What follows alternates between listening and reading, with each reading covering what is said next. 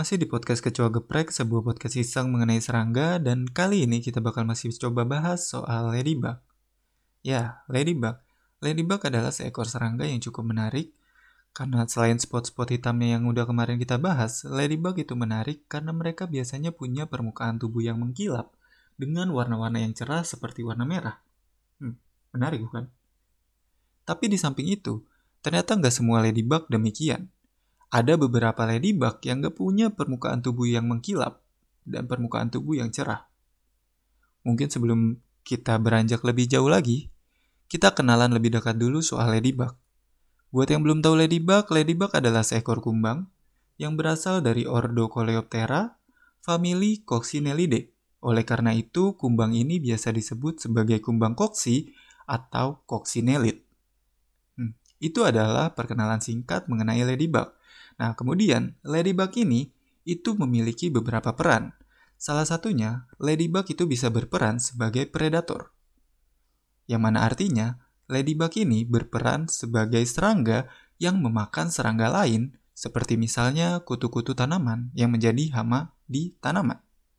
Tapi selain itu, ternyata ladybug ini juga bisa berperan sebagai fitofag, yang artinya ladybug juga berperan sebagai pemakan tanaman di mana mereka memakani daun-daun tanaman atau bagian tanaman lainnya. Hmm. Kemudian, apa hubungannya dengan tubuh yang mengkilap di awal tadi? Ternyata, tubuh yang mengkilap ini bisa kita pakai sebagai cara untuk membedakan antara kumbang coccinellidae atau ladybug yang berperan sebagai predator dan ladybug yang berperan sebagai fitofag atau pemakan tumbuhan. Bagaimana cara membedakannya? Yang pertama, Ladybug yang berperan sebagai predator itu adalah ladybug-ladybug yang biasa kita lihat memiliki permukaan tubuh yang mengkilap dan cerah. Ya, mereka adalah ladybug-ladybug yang cukup eye-catching. Sementara ladybug yang bersifat sebagai fitofag itu biasanya memiliki permukaan tubuh yang kusam, dekil, gembel lah pokoknya.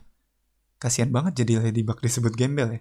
Ya tapi itu, Biasanya kalau kita mungkin melihat di gambar yang ada di Google atau kita melihat secara langsung, itu kita akan melihat di mana ladybug yang bersifat fitofag ini tubuhnya kusam dan kalau kita zoom in mungkin kita seperti melihat di permukaan tubuhnya itu seperti ditumbuhi bulu-bulu halus.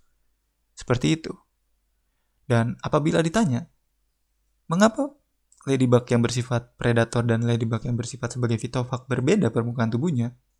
Saya juga tidak tahu.